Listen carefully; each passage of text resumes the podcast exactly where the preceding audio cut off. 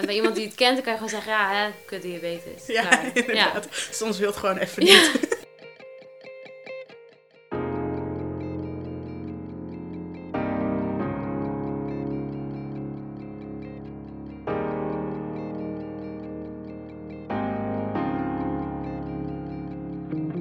Hoi, ik ben Suzanne, oftewel gewoon Suus dus. En afgelopen kerst vierde ik een jubileum.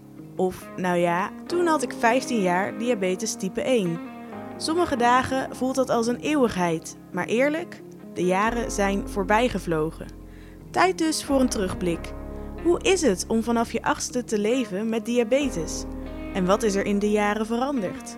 Ik deel het graag met je in deze podcast Gewoon Diabetes dus. Deze aflevering is voor mij extra bijzonder. Ik ben namelijk niet de enige die vlak voor kerst 2005 diabetes type 1 kreeg. Mijn eerste stappen in de diabeteswereld zette ik samen met Esmee, mijn diabetesbuddy vanaf het prille begin. We hebben echt wel veel samen eigenlijk meegemaakt. Ja, ja, eigenlijk wel. Ja. Ja. En die eerste jaren vooral, want nou ja, we zagen elkaar de eerste keer eh, in het ziekenhuis. En ik kwam daar nog eh, half huppelend binnen. Ja. Maar bij jou was dat wel wat anders, hè? ja, ik kan zeker niet huppelen binnen, nee. Nee. Nee, wel een paar dagen voor jou, maar eh, nee, ik was, eh, was echt heel ziek. Ja. Ja. En kan je daar wat, wat over vertellen? Want ik heb in de, nou ja, de eerste aflevering eh, van de podcast heel veel verteld over hoe mijn diagnose ging en dat het eigenlijk heel soepel was. Ehm, hoe, hoe kwamen jullie erachter dat je diabetes type 1 had? Nou ja, ik was eh, sowieso al heel lang, had ik echt last van buikpijn en moe. Maar dat waren echt klachten nee, waar niemand echt iets mee kon. En mijn moeder vond het vooral vervelend, maar ja. Kon bij van alles horen eigenlijk. Ja, precies. Ja. Wat kan je ermee? Niet zo heel veel. En op een gegeven moment toen eh, had ik ook last van vaginale schimmel. En toen waren we daarvoor naar de huisarts gegaan. Maar de huisarts die gaf een, een zalfje en dat was het. Maar eigenlijk had daar al bellen moeten rinkelen bij hem. Ja, En- want dat op, op die leeftijd natuurlijk sowieso best wel gek. Ja, ik was dingen, negen, dus, ja. dus dat hoort natuurlijk helemaal niet. Dus eigenlijk had hij verder moeten kijken dan dat. Maar hij gaf een zal- zalfje van, eh, nou ja, dit Prima. lost het wel op. Ja, En toen ging het echt in een week tijd gewoon echt eh, heel hard achteruit. Ik was 10 kilo afvallen in één week. En alleen maar thuis. En eh, ook eigenlijk alleen maar spugen, spugen, spugen. En op een gegeven moment ook gewoon zonder dat er echt wat uitkwam. Want het was gewoon helemaal leeg. En eh, op een ochtend wilde mijn moeder boodschappen doen. Want die moest natuurlijk ook een keer, eh, nou ja, weer wat gaan halen. En toen haalde ze de buurvrouw erbij van... wil je even bij Esmee blijven? En dan ga ik even boodschappen halen. En eh, die buurvrouw zei van... nou, ik denk het niet. Je moet naar de huisarts. Want die zag dus wel na een week... dat ik dus 10 kilo afgevallen was. En mijn moeder die zat natuurlijk elke dag eh ja bovenop die zag mij. het heel geleidelijk gaan. Terwijl het eigenlijk echt ja, die buurvrouw één Ja. klap was natuurlijk. Ja, die buurvrouw zag mij en dacht, dat ziet er niet goed uit. En toen heeft ze de huisarts gebeld, maar die zei zelfs nog van, nou, kom maar langs. Dus met eh, heel veel moeite moest ik daarheen. En eh, eigenlijk weet ik daar zelf niet zoveel meer van. Nee. Ik weet dat ik even bij de huisarts was en sirene. En toen op een gegeven moment we- werd ik zelf wakker in het ziekenhuis. Dus eh, voor mij je bent is daar het, echt helemaal weggevallen. Ja, volgens mij wel. ja. Ik weet zelf in ieder geval niks meer van. Dus ik denk, ja, Ja. ik werd in het, het ziekenhuis wakker. Ik zag mijn vader eerst nog. En toen wist ik nog dat ik tegen hem zei... Goh papa, je hebt vier ogen. Ik zag helemaal dubbel of zo. Eh, gewoon dat ik echt Oh, wakker werd en iets. En Ja. toen voor de huisarts, toen ik eenmaal daar bij hem was... was het al meteen duidelijk. En toen zei hij ook van... Ja, met, de, met die vaginale schimmel van vorige week... eh, is dit gewoon echt wel diabetes. En ik hoorde dat denk ik... eh, nog wat later eerst maar een beetje wakker worden en zo. ja, toen je weer een beetje Ja. bij was en, en je weer een beetje opgelapt was. Want dat, ja, precies. ja.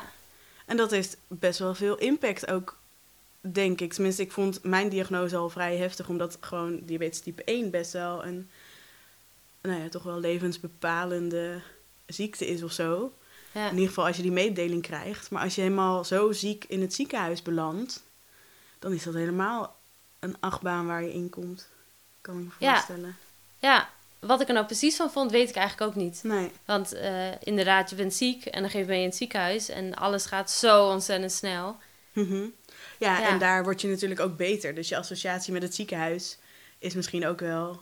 Oh ja, daarna voelde ik me niet meer zo ziek. Want ze doen er wat aan om je, je weer beter te laten Ja. voelen. Klopt, want je Ja. gaat eigenlijk... eh, ik voelde me steeds elke dag een beetje beter.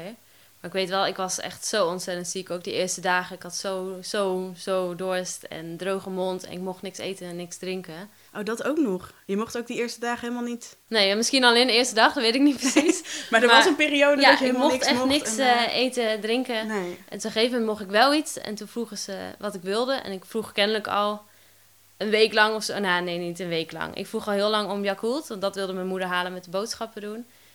En toen verwachtte iedereen dat ik dat zou zeggen van... Goh, wat wil je hebben? En toen vroeg ik om een peertje. ja. Ook wel begrijpelijk. Dat Ja. je als kind juist daar de, de- een beetje de normale dingen of zo dan juist heel graag wil. En toen kreeg ik Ja. een peer. ja. ja, nou, Ja. daar was ik super blij dat was ook het eerste Ja, waar je- wat je toen weer mocht eten. ja, was het eerste. En dan Ja. begint natuurlijk ook het, het leren spuiten en, en al die dingen die, die erbij horen. Ja, Eh, dat, ja, bij mij begon dat vanaf dag één. Maar ik kan me voorstellen dat jij inderdaad eerst even moest herstellen voordat je daar echt eh, mee aan de slag Ja. kon, of niet? ja, volgens mij hoefde ik niet zelf eerst te spuiten. Nee. Maar dat weet ik niet zeker. Ik weet nog dat ik wel eh, ontzettend vaak een vingerprik kreeg. Of Oh ja. bloedprik. Volgens mij dat. En eh, ook s'nachts. Echt, mijn vingers waren echt blauw ook.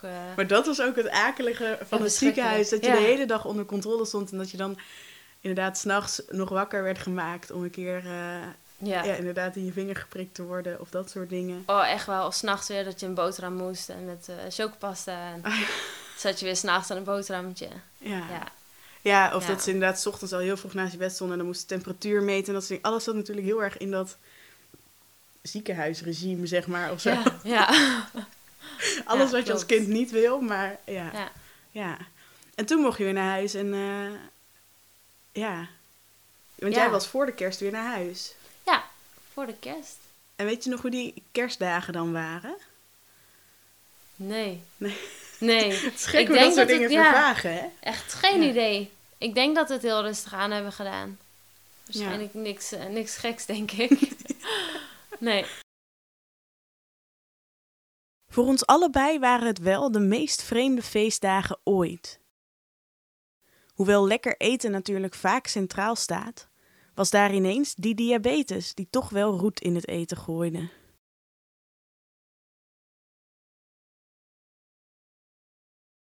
Oh ja, dat weet ik nog heel goed. En dan hadden we weer een, eh, ook zo'n schema ophangen wat ik dan mocht eten en hoe laat. En ja, verschrikkelijk. Ja. Alles werd ineens heel erg gekaderd. Hè? Ik weet ook nog dat Ja. jouw vader op een gegeven moment in het ziekenhuis... Want ik weet dus heel weinig van die tijd, behalve echt hele kenmerkende dingen. ja, ja. En jouw vader had op een gegeven moment zo'n soort tabelletje gemaakt... met het aantal koolhydraten en hoeveel insuline je dan nodig had. En dat was een soort van doorgerekend. Ik weet niet meer of hij dat in stapjes van vijf... Klopt, ja. en dat was, nou ja, het is 15 jaar geleden. Computers en printen was nog niet heel erg normaal, zeg maar. Maar hij had inderdaad zo'n tabelletje uitgeprint. Speciaal afgestemd op jou. Nou ja, Ja. wat jij aan insuline nodig had als je iets at of dronk.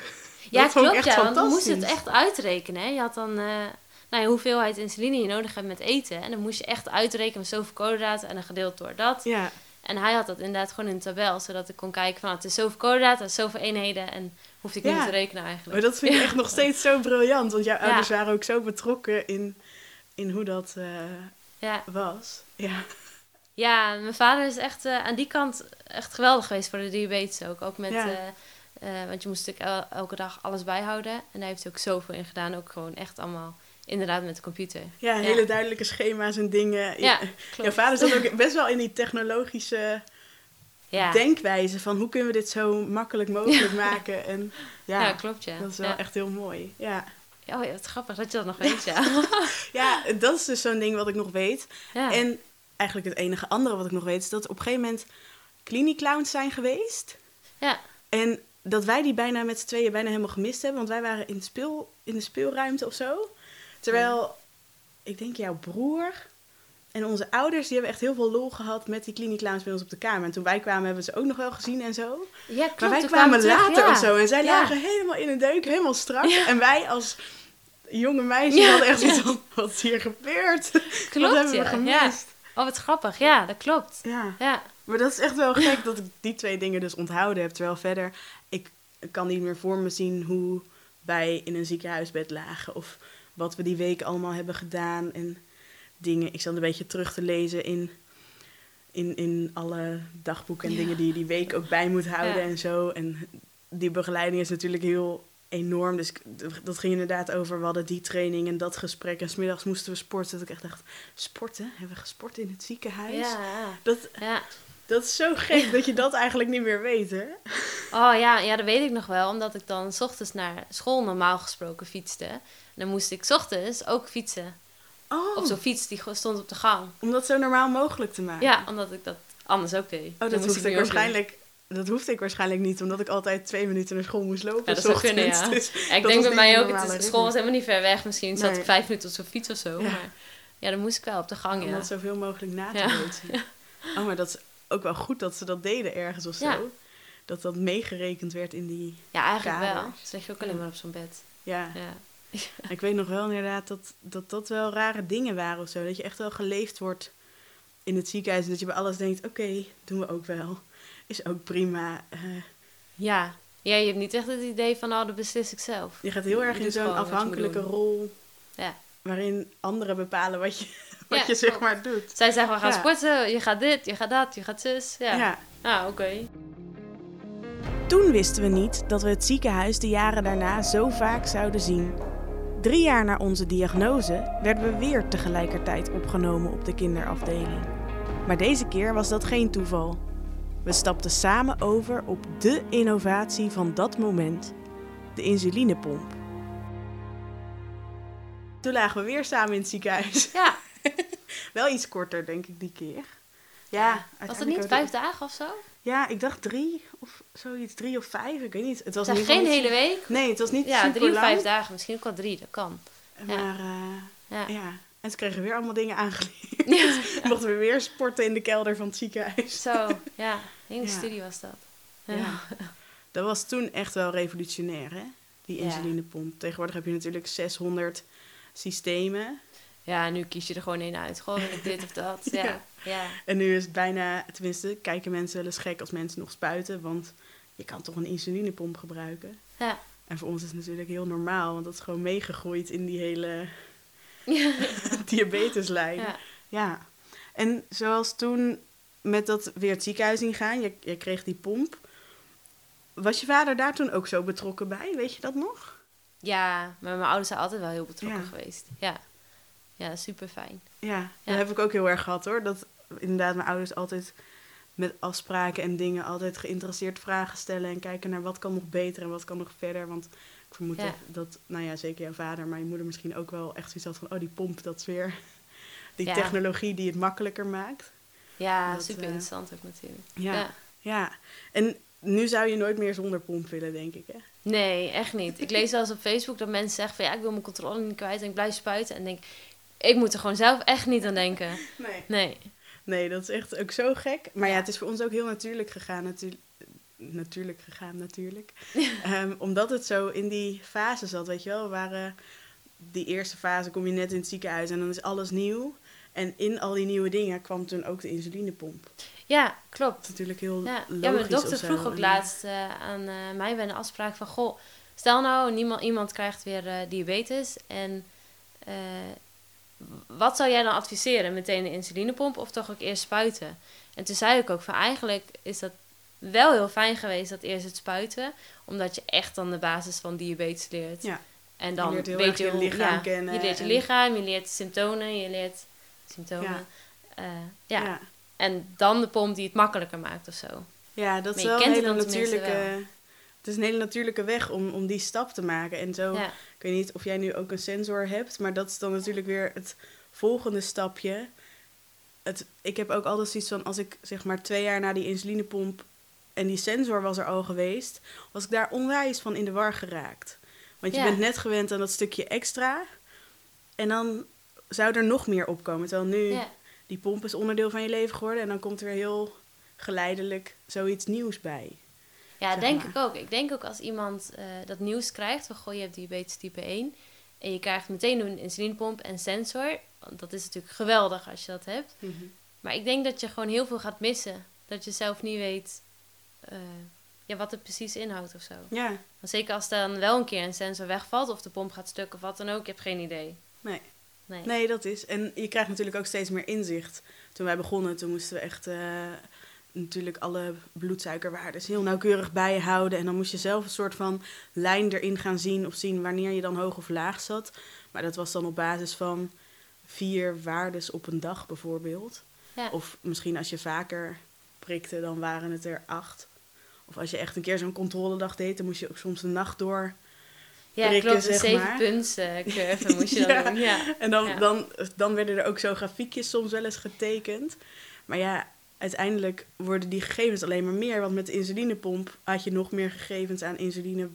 Ja, hoeveelheden die je meer kon aanpassen.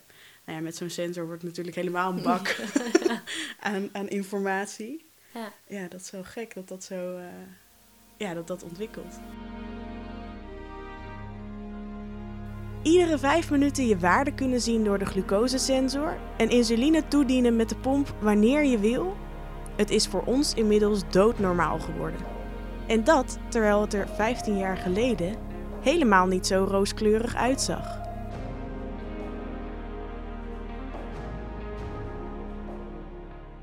Ik weet nog dat ik een wat chickeneurige kinderarts had toen.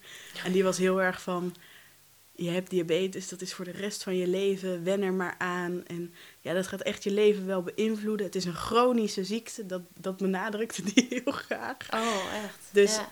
Ik durfde denk ik niet eens na te denken over dingen die het misschien makkelijker of anders zouden maken. Of laat staan Nee. dat ik erover nadacht dat het misschien ooit genezen zou Nee, dat kunnen was echt worden. absoluut niet aan de orde. toen. Nee. Nee. werd ook echt niet over gesproken in Nee. het ziekenhuis. Terwijl je toch, als ik zo terugkijk, we lagen allebei in treinstaat in Arnhem. Dat is geen ziekenhuis dat heel erg achterloopt bij ontwikkelingen. Nee, juist mij. niet. Die, die gaan echt volop ook... eh, nou ja, met insulinepomp waren we vrij snel. eh, sensoren en... Volgens mij doen ze ook mee met proeven met de kunstmatige overleesklier. Ja, zijn ze heel betrokken in. Ja. ja. En jij hebt dat ook geprobeerd. Ja, ja, zeker. Ja, vorige zomer. Ja, geweldig. Ja, ja, de eerste dagen waren gewoon heel on, eh, onwennig. Niet alles ging helemaal goed. Maar toen ik het eenmaal had, was het gewoon... ja, het is zo'n wereld van verschil. Ja, Ja, het is echt... eh, dan echt uit handen geven, hè?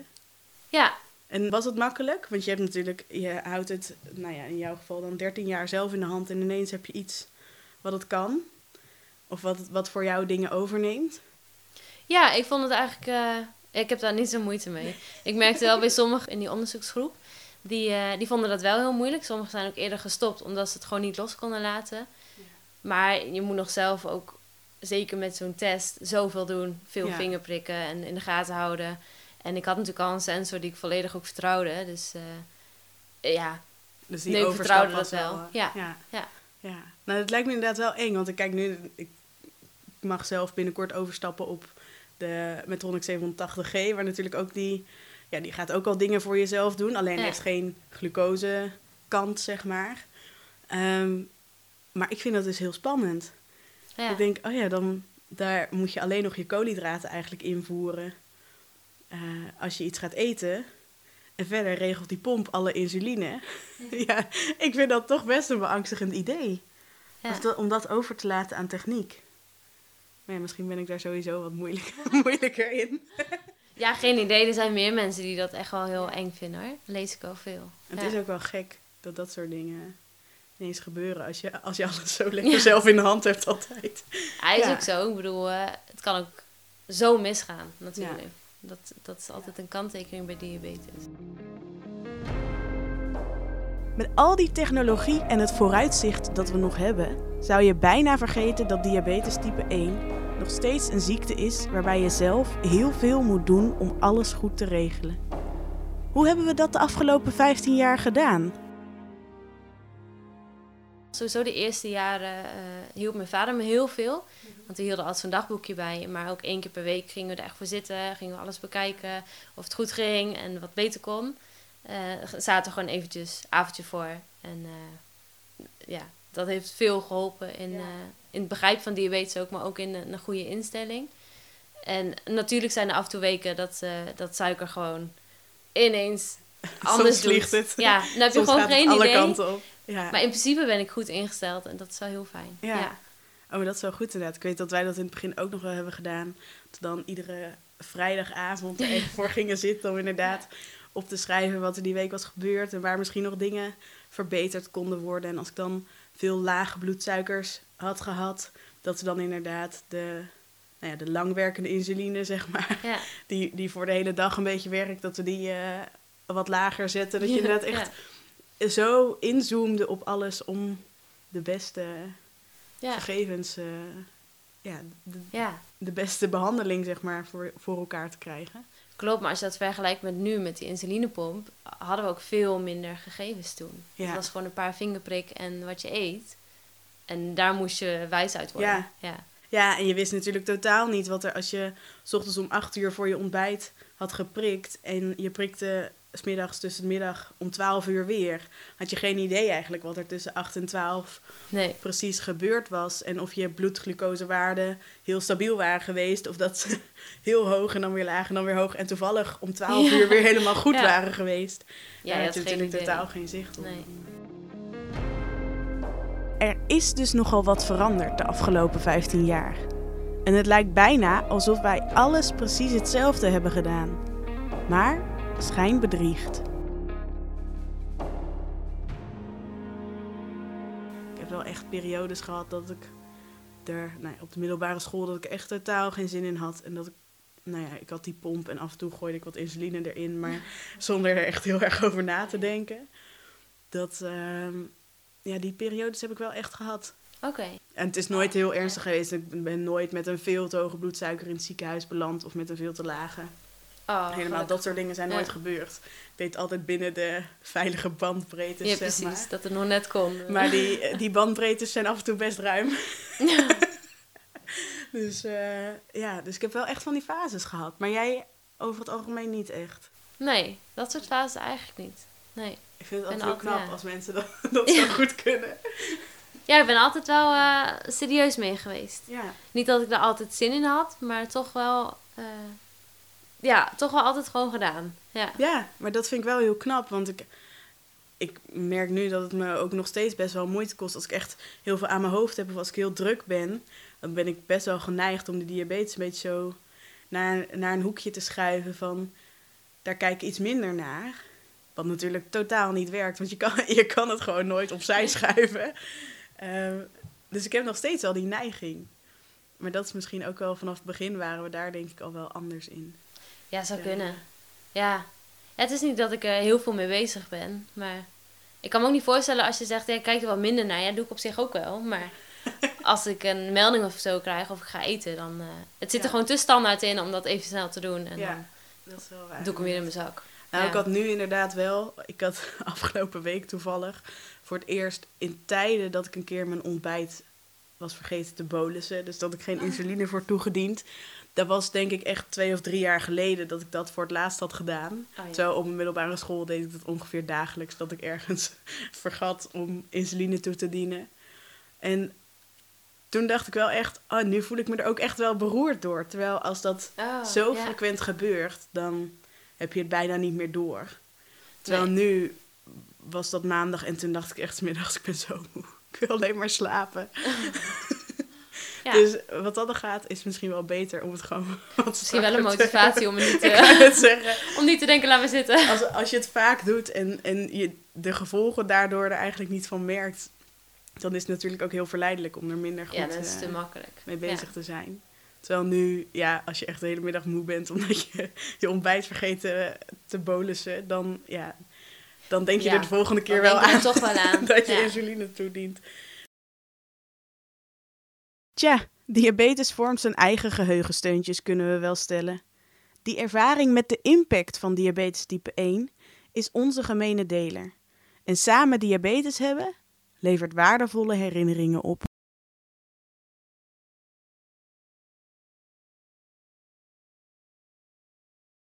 Ik weet ook nog dat ik ooit op een verjaardagsfeestje bij jou ben geweest. En toen gingen we kamperen, geloof ik. Ergens op, op een camping Ja. bij jou om de hoek, waar je toen woonde.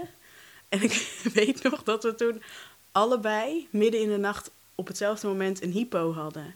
Oh ja? Dat we echt allebei super laag zaten. En ik heb, nog no ik heb nooit meer zo laag gezeten als toen, want ik weet dat ik op 1,6 zat. Oh, En dat is echt wel Echt laag, ja. Als je onder de vier zeg maar laag komt te zitten, dan gaat het bij drie. Dan gaat het meestal nog wel prima. Maar 1,6 heb ik daarna ook Zo, echt nooit nee. meer meegemaakt. Nee. En dat wij toen, ik weet niet, jouw moeder stond geloof ik in een caravan en wij sliepen in een tent of zoiets. Ja, Ik weet niet meer helemaal. En dat wij toen Ja. ook zo heel zielig voor mijn gevoel aanklopten bij die caravan. klopt, klopt. Dat we allebei te laag zaten. Dat dat echt wel... Maar ik vond het ook heel leuk dat dat juist op zo'n het verjaardagsfeestje gebeurde. Ja, En dat, we, dat je daarin elkaar natuurlijk ook vindt. Want ja, als dat op je eigen verjaardagsfeestje gebeurt en de rest heeft geen diabetes, dan is het gewoon, oh dat is lastig tussendoor, lost even op. En wij, Ja. ineens merkte ik, oh wat, wat fijn dat je niet de enige bent of dat je dat ja dan dat samen hebt dan. of zo. Ja. Ja. En dat heb ik altijd wel, dat vond ik altijd wel heel fijn. Dat er toch een soort van, ja, een beetje sparringsmaatjes waren of zo, weet Ja. je wel. We hadden het ook over hele andere dingen. En we hebben ook, nou ja, een keer samen gezwommen en gelogeerd. En gewoon de Ja, leuke dingen ook samen Dat gedaan. hebben we ook gedaan. Maar ik denk dat het misschien ook juist wel heel fijn was. Omdat we het natuurlijk samen hebben gekregen, als het Ja. ware. Dat je elkaar toch ook daar kon steunen. Want Ja. andere vriendinnen, is wat je zegt, zij denken, oh, naar. Of uh, Ja, en als vinden je het spannend. samen... van, Oh, we gaan prikken. Oeh, Ja. mag ik ook een vinger prikken? Ja. Maar die zullen toch anders, die zien het anders. Ja. En wij konden natuurlijk En altijd als daar wel je ook samen gaat hebben. zwemmen, dat je denkt, oh ja, we moeten allebei de pomp... Ja, Nee, die moet je dan afkoppelen, omdat die dan niet mee kan het water in. En je bent Ja, aan het bewegen, dus je, moet, je, je bent samen aan het rekenen, wat moet ik doen, omdat we zo gaan zwemmen. En daarvan krijgen we lage bloedsuikers. Dat is ineens heel leuk dat je dat soort dingen ja, samen dat je kan samen doen. doet. Want dat herken ik wel. Als ik bijvoorbeeld met vrienden ging zwemmen, dan is het wel eerder dat je dat ja, negeert of aan de kant zet. Omdat je gewoon, gewoon wil doen Ja. met je vriendinnen. Gewoon lekker wil Dus dan gooi je die pomp heel snel aan de Ja, kant denk, en je denkt, nou, hoor. gewoon lekker gaan. Ja. Waarvan je meestal met een half uurtje de nadelen ondervindt, omdat je dan al, bij wijze van spreken, Ja. een super lage waarde weet hebt. je al dat dat toch niet kan. Je redt het toch niet op. Maar samen is het toch makkelijker om te zeggen van... Oh ja, laten we dan Ja. eh, nog even checken. Of, Ja. Ja. Ja, dat, zijn wel, dat is wel echt heel leuk. En ondanks dat we dan de laatste jaren niet zo heel veel contact hebben gehad, hadden toch af en toe even dat we met elkaars verjaardag even appten of vroegen, Ja. hey, hoe gaat het? En hoe gaat het met je diabetes? dat je En toch een beetje, ja. daar kan je natuurlijk met niemand zo over praten als met iemand die het ook doormaakt. Nee, klopt. Vriendinnen vragen het wel, maar ik denk dat ze heus wel ze begrijpen dat het soms heel lastig is en dat het heel vervelend is, maar wat het precies inhoudt. Ja, dan ben je toch altijd meer aan het uitleggen dan dat je het idee hebt dat het echt Ja, helemaal klopt. aankomt. Als het echt niet eh, goed gaat, dan moet ik eerst helemaal uitleggen waarom het niet goed gaat en wat ik voel en wat ik merk en hoe dat komt, et cetera, et cetera. En dan pas zeggen mensen, oh ja. Ja. En bij iemand die het kent, dan kan je gewoon zeggen, ja, hè, kut diabetes. Ja, Klaar. inderdaad. Soms wil het gewoon even niet. Ja, en dan zonder dat er zo. allemaal adviezen komen van... Ja, maar moet je niet wat meer rust nemen? Heb je dan niet meer insuline nodig? Nee, het, Ja, het wil gewoon even niet. ja klopt. Ja, Nee, dat wel echt leuk wil het gewoon niet. Ja. En dan is het wel grappig dat we echt datzelfde pad hebben bewandeld van... Nou ja, samen in het ziekenhuis liggen is niet bij voorkeur wat ik iedereen aan zou raden. Nee. Maar het is Nee. wel een voordeel dat we, ja, dat we daarin contact hebben gehad. Genoeg over ons gezamenlijke verhaal van de afgelopen 15 jaar. We mochten samen veel stappen zetten, maar wat we nu vooral willen weten, waar richten we onze hoop op?